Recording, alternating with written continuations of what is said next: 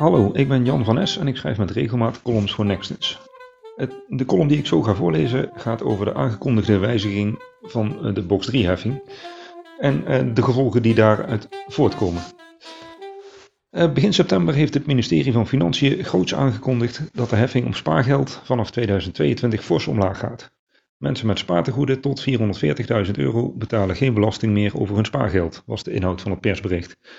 De werkelijke inhoud van de aangekondigde wijziging behoeft wel de nodige nuancering.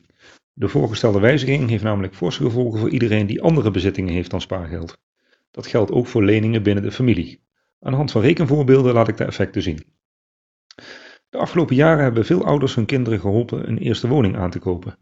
Daarvoor konden de ouders gebruik maken van de eenmalig verhoogde schenkingsvrijstelling van 100.000 euro, de zogenaamde jubelton.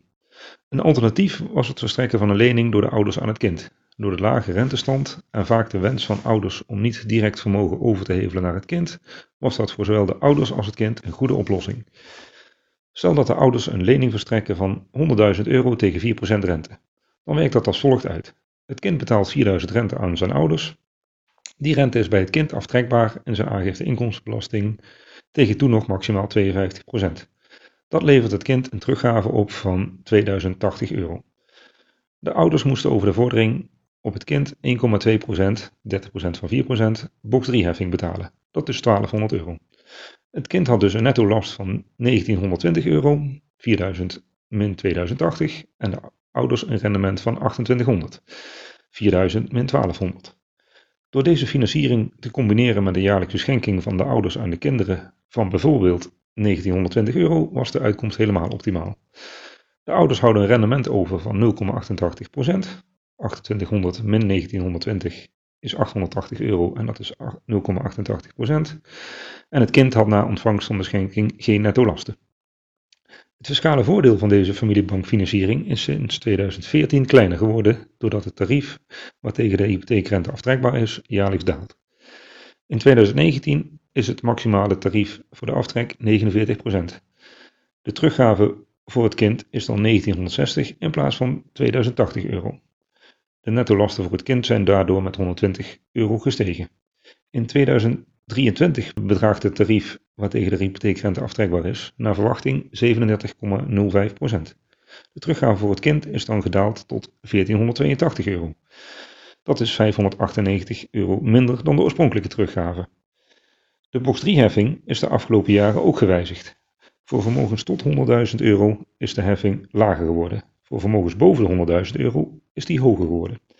Stel dat de ouders in mijn voorbeeld met een vermogen boven de 100.000 euro zitten, dan is de heffing in 2019 over de vordering op het kind 1335 euro.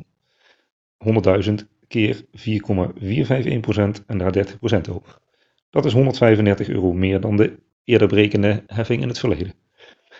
In het voorstel dat in 2022 in moet gaan, gaan de ouders over de vordering op het kind 1759 euro box 3 heffing per jaar betalen.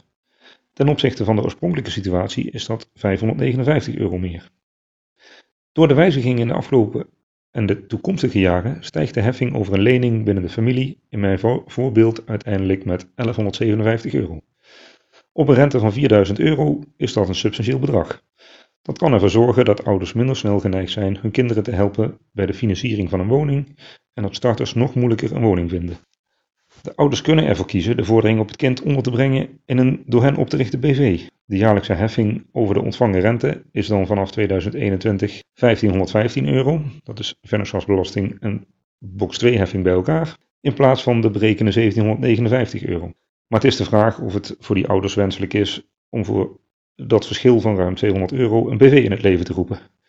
Het zou de wetgever daarom sieren als niet alleen voor spaargeld, maar ook voor overige bezittingen de heffing over het werkelijk rendement plaatsvindt. Met de beschikbare data moet dat technisch zeker mogelijk zijn en ook de vooringevulde aangifte moet dan gewoon nog in te vullen zijn. Dat was het. Bedankt voor het luisteren. Wil je nu meer columns lezen zoals deze? Lees dan verder op nexus.nl.